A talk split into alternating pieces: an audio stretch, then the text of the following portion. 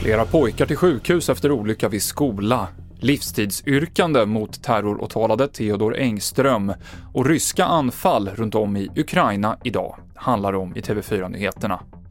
Ja, flera pojkar har förts till akuten med frätskador efter en olycka vid en skola i Kalmar kommun nu på eftermiddagen.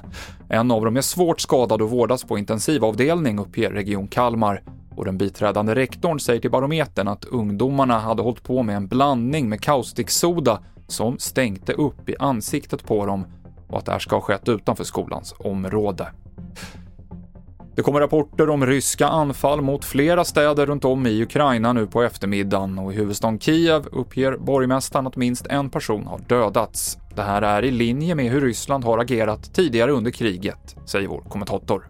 Det här är ju inte oväntat med tanke på det, den stora nederlag som eh, Ryssland har gjort i staden Cherson i södra Ukraina där man dragit tillbaka sina trupper. Och Zelenskyjs eh, triumfartade intåg i staden igår. Eh, det här är ju en stor seger för Ukraina och när det går illa på fronten har vi ju sett tidigare att Ryssland istället riktar sig in på att så att säga bomba eh, infrastruktur inne i, i Ukraina. Det sa Elisabeth Frerot. Och idag hölls slutpläderingarna i rättegången mot Theodor Engström för mordet på psykiatrisamordnaren Ingmarie Wieselgren under Almedalsveckan.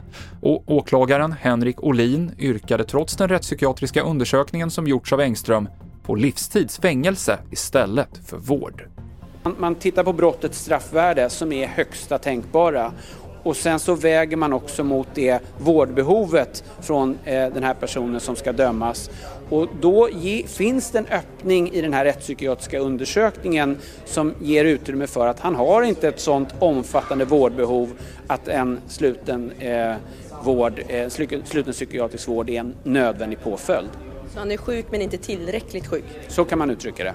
Åklagare Henrik Olin Mer från rättegången på Gotland kan du hitta på tv4.se.